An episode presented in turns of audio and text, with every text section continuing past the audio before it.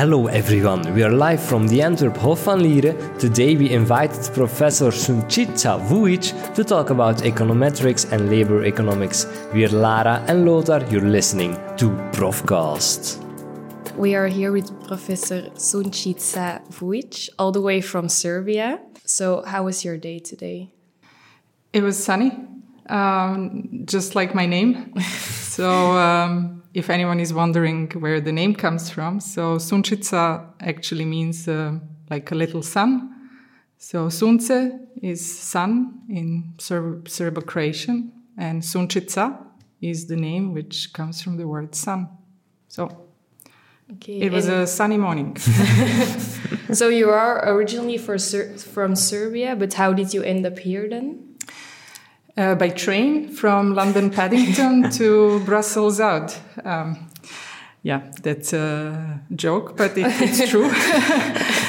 so I'm originally from Yugoslavia. So I was born in Yugoslavia, and um, I, I did my undergrad. I started in a country called Yugoslavia, which then reformed into Serbia and Montenegro, which then became Serbia. So I did my undergrad um, there um, in the 90s in economics. And uh, after that, I moved to do my master uh, degree at uh, Central European University in Budapest. And after that, it became clear that I want to pursue an academic career. So I applied for different uh, positions to get uh, PhD funding. Um, and I landed a PhD position uh, in Amsterdam. So then I moved from Budapest to Amsterdam, where I did my MPhil first at the Tinbergen Institute in Amsterdam, and then my PhD in economics at econometrics at the Vrije Universiteit in Amsterdam. And after a couple of jobs in both public and private sector in the Netherlands, um, I landed my first uh, academic job uh, in London. So I was working there first as a, a research assistant at the um, London School of Economics at the Center for uh, Economic Performance. And after that, I also um, did a postdoc there at the Department of Management. So then after that, I had my first uh, professorship position or assistant professorship position at the University of Bath, where I spent uh, three years. And then I moved to Antwerp in 2014, indeed, taking a train from London Paddington to uh, Brussels out and then continuing further to Antwerp to take up a position of uh, associate professor uh, at the University of Antwerp. So in a way, this was um, this was a, a, career progress. All my path, basically from Belgrade via Budapest, Amsterdam, London, Bath, and now Antwerp. Uh, in a way, you can you can see it as a career progression. First, uh, education-wise, then really um, basically stepping to to to better positions and uh, the, the position in Antwerp, uh, if you want, really had my name on it because uh, it was advertised as a tenured position in uh, applied econometrics with applications to labor economics. And this is, in a nutshell, what, what my research is about.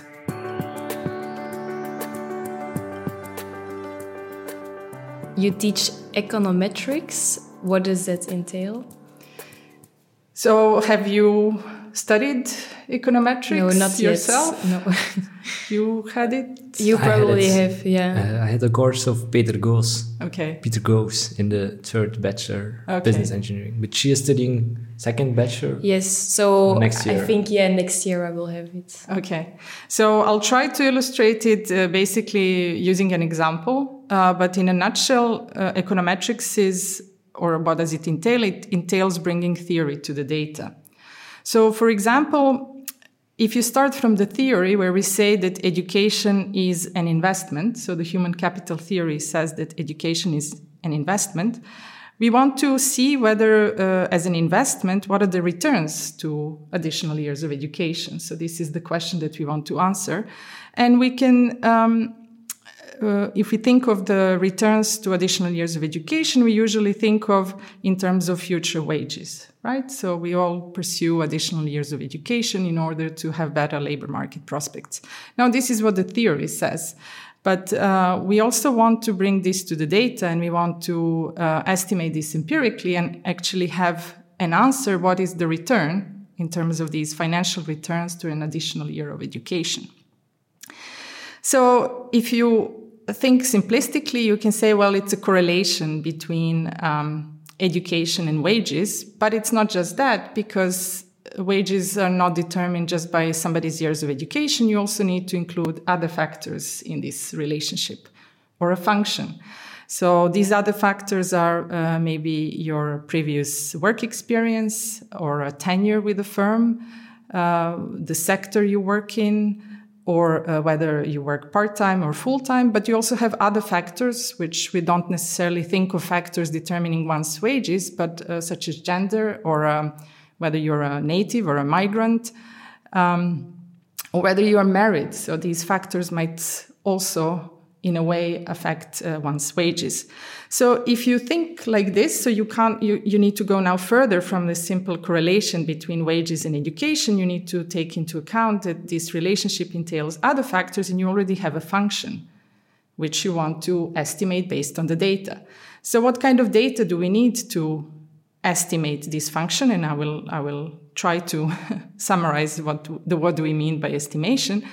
Uh, we can usually use data like uh, labor force survey data, where you have um, data on uh, individuals, uh, their socio-demographic characteristics, but also these labor market characteristics. Um, and then we can estimate this relationship, this function or a regression, as we call it. And in an ideal scenario, we would include all the factors that affect future wages. And once we've done that and we apply this estimation method, which is known as the ordinary least squares, then the coefficient that we estimate next to your uh, education measure or a variable represents the returns to an additional year of education. So in a way, if you would have this uh, ideal scenario, as I say, which means that you include really all the factors that affect one's wages into this function or regression, you estimate it, you have this coefficient, which represents the returns to an additional year of education, and you can test different hypotheses. You can use this coefficient uh, for policy making and so forth. So, in a nutshell, this is what econometrics is about. So, what I just explained to you would be uh, basically different steps you would take going from theory to the data in order to confirm um, some uh, the- theoretical, um, let's say, uh, hypotheses or assumptions. So now uh, you think then, so why is then econometrics so difficult? Because I managed to explain it in a couple of minutes. Well, then we have some other uh, complications. So I said that this relationship might hold in an ideal uh, world, but usually, uh, what does this mean? It means that you have all the factors that affect wages to include into this function or a regression. And this is not always the case because you can also think that uh, both education and wages are affected by your ability or perseverance or your patience. And usually we don't have this, uh, this information in the data.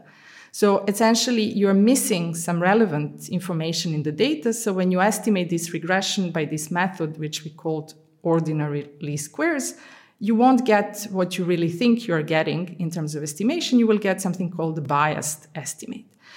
And this is what takes us then to more advanced methods. So we try to correct for this bias. We try to find exogenous variation, what we, what we call in econometrics.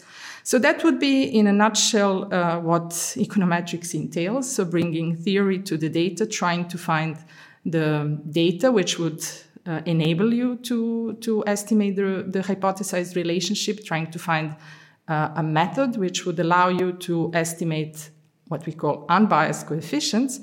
And um, if I can bring it further uh, home for you, for example, last year to, to 2021, the Nobel Prize in Economics went to three uh, professors, David Card, Joshua Angrist, and Guido Imbens, in particular for their advances in um, uh, labor economics and empirical labor economics, and in, let's say, using um, exogenous variations, natural experiments in order to be able to estimate what we call a causal relationship between different, um, different um, variables. In this case, the example that I gave between education and uh, wages. And why are you so interested in econometrics? That's a very good question. Um, so, since I left Serbia, uh, every time I came into um, uh, into environments where um, where people uh, did econometrics. I mostly came across men, so it's a very male dominant uh, subject abroad, but not where I come from. So uh, I was inspired by a lot of uh, women um, who did econometrics at my bachelor degree. Uh, before that, uh, then I need to go a bit earlier. Um, in in my high school, I actually specialized. so when I was doing my high school, we could choose specialization, and I actually specialized in mathematics. So in my high school, I did um, mathematical specialization where we had a lot of different mathematics, statistics, probability um, courses. And actually, before starting economics for a year, I actually studied mathematics.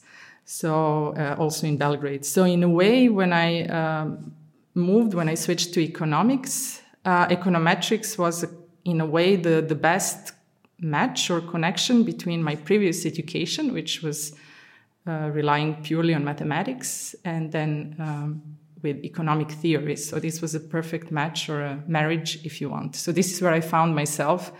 Um, or put it this other way, when in my first year of university in economics, the, the, I was mostly excited by courses which had a lot of mathematical applications, such as microeconomics, statistics, mathematics, and later on econometrics.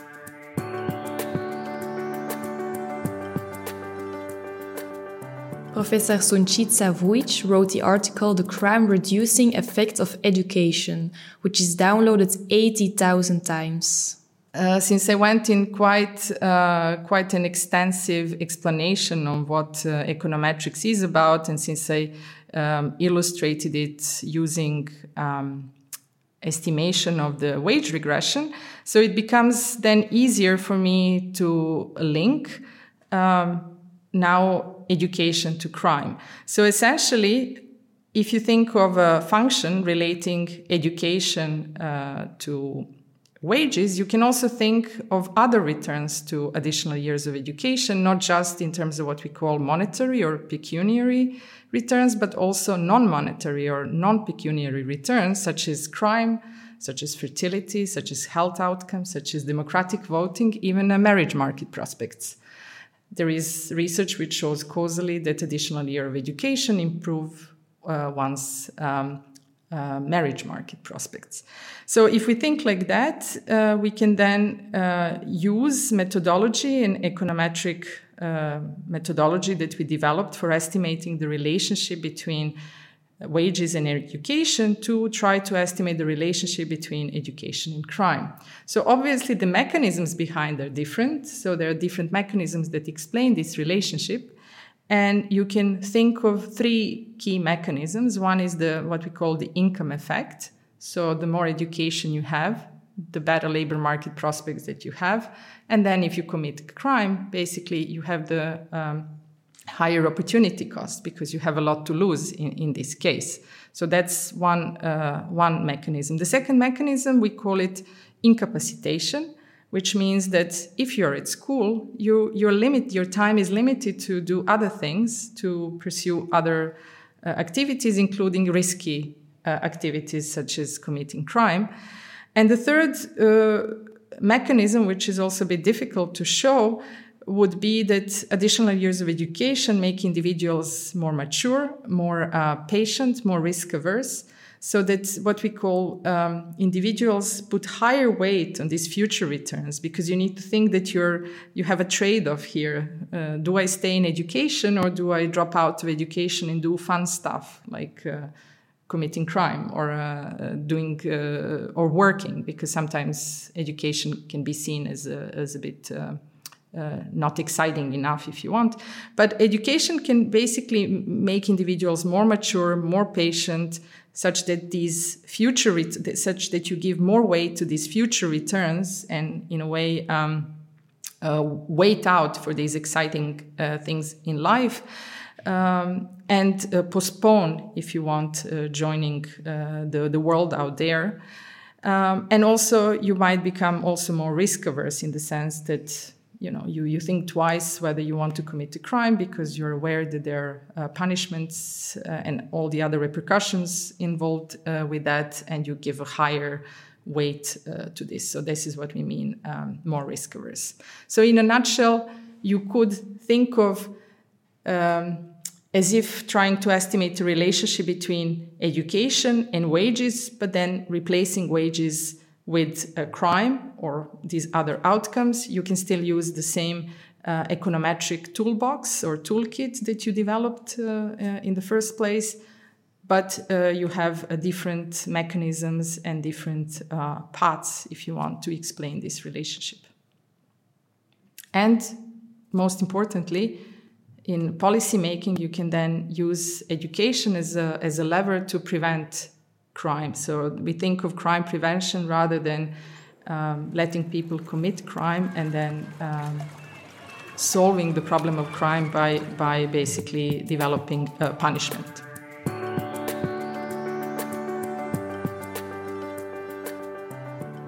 So you are also much involved with labor market position and gender pay. So is it still a persistent problem that women are paid less? Uh, unfortunately, it's uh, it's still a problem. unfortunately, and it's a global problem. It's one of the most persistent global labor market challenges. Um, so not just when I say global, it's not just in Belgium or the, or Europe, but it's really a global phenomenon. And this can be looked uh, against the fact that women actually uh, accumulate uh, more years of education nowadays than men. So you have a situation, a paradoxical situation where women tend to overtake men in terms of, um, let's say, uh, university diplomas, but at the same time, on the work floor, they're still uh, paid less. So, why is that? Uh, there are different uh, explanations behind it. Uh, and one key explanation it has to do with female household roles. Um, so, women often work part time uh, they might also choose sectors, employers, which allow them to have this better, what we call work life balance. And this might be at the cost of lower wages. So they might actually prefer the employers, which enable them to, to have, as I said, the better work life balance at the cost of lower wages. So this observed gender pay gap has partly to do with these household roles and female preferences. The second uh, explanation for the existing gender pay gap might have to do with the personality characteristics. And yesterday at um, um, yesterday we actually had a presentation at um, at a seminar of the Department of Economics, and the day before that I was also in a, a PhD committee meeting of a student uh, at KU Leuven who is also looking at the gender pay gap. And both of these uh, uh, papers actually relate uh, partly this presence of gender pay gap to, to personality traits. So in the data, we see that women tend to be um, more risk averse. Um, and as the title of the book that I just brought says, that women don't ask, so that they're we are quite bad at negotiating our salaries and uh, uh, that we tend to have an issue of asking for a raise or something like that. So, so part of it, it has to do with personality traits. But um, the third uh, reason is definitely uh, uh, discrimination on the work floor. So even if you take into account all the factors, if you take into account and you try to compare comparables, so let's say men and women who have the same level of education, who both have similar roles, work uh, similar amount of hours, uh, we still uh, see um, that women tend to be less promoted, that uh, they're uh, spending relatively more time in the roles and tasks which do not lead to promotion. And uh, we also see, for example, that there are much less women who are, um, um, who are in CEO positions. So we also call this glass ceiling. So um, uh, in Belgium, I think that Belgium is relatively, I think, uh, equal in, in that sense. I think the situation in Belgium might be better than in, in, in other countries. Um, the same should be the case uh, at, the, at, the, universities because the, the, salary scales are very fixed, they're very institutionalized, so there's not much space for uh, negotiations. Um, but uh, I, I, can give one example which is close to my heart. Um, so at the university, you can think of the requirement of equal gender representation in different committees. Okay, so this policy uh, had an intention to promote gender equality in, in um, decision making.